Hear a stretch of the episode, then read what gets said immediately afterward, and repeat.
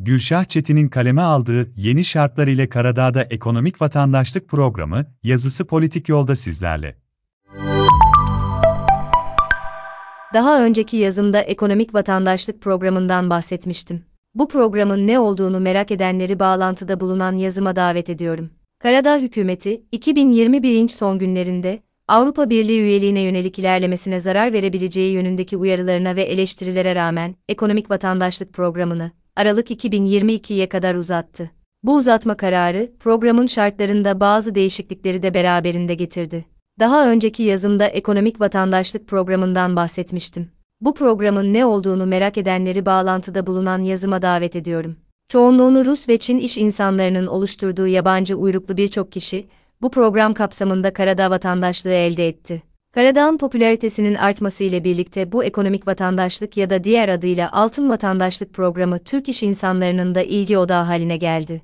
Programın detayına bakacak olursak, program yatırımcılara iki farklı yol sunuyor. Birinci yol, başkent Podgorica ya da kıyı bölgelerinde, hükümet onaylı bir kalkınma projesine 450 bin avro değerinde bir yatırım yapmak ve hükümet fonuna katkıda bulunmak. İkinci yol, Karadağ'ın kuzeyinde, kıyıdan uzakta, hükümet onaylı bir kalkınma projesine 250 bin avro değerinde bir yatırım yapmak ve hükümet fonuna katkıda bulunmak. Güncel değişiklikler kapsamında hükümet onaylı kalkınma projesine yapılacak olan yatırımların miktarlarında bir değişiklik olmadı.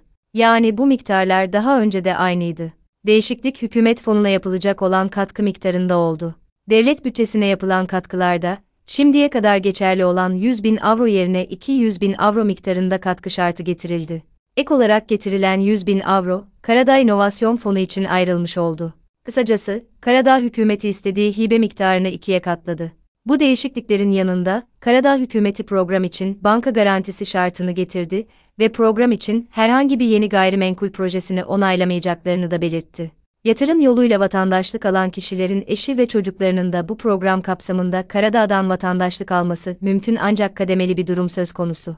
Yatırımcıların başvurularına dahil etmek istediği ilk 4 aile bireyi için 10.000 avro ödemesi gerekiyor. 4 aile bireyinden sonraki her bir birey için 50 bin avro ödenmesi gerekiyor. Başvurunun ardından vatandaşlık alma süreci ortalama olarak 6 ay sürüyor. En az yarım milyon avro yatırım yapıp 6 ay beklemek. Balkanların hemen her ülkesinde bürokrasi ne yazık ki epey yavaş ilerliyor. Kırtasiyecilik ay çok çok fazla ve bu durum sakin olmanızı gerektiriyor. Balkanların incisi Karadağ gelişmekte olan bir ülke. Avrupa ile ilişkileri ve coğrafi olarak yakınlığı büyük bir avantaj. Gelişmekte olduğu için pek çok karlı iş sahası yabancı yatırımcıları bekliyor. Ayrıca %9, %11 arasında değişen vergi oranları sayesinde Avrupa'daki en çekici AB dışı yatırım destinasyonlarından birisi. Karadağ pasaportu, Schengen bölgesi dahil 123 ülkeye vizesiz seyahat olanağı sunuyor. Ancak konu hayat standartlarına gelince, Avrupa ülkelerine kıyasla, Karadağ sınıfta kalıyor. Yakın gelecekte Avrupa standartlarına erişeceğine kesin gözüyle baktığım Karadağ yaşamak için harika bir ülke ama bir Avrupa ülkesi olmadığını unutmamak gerekiyor.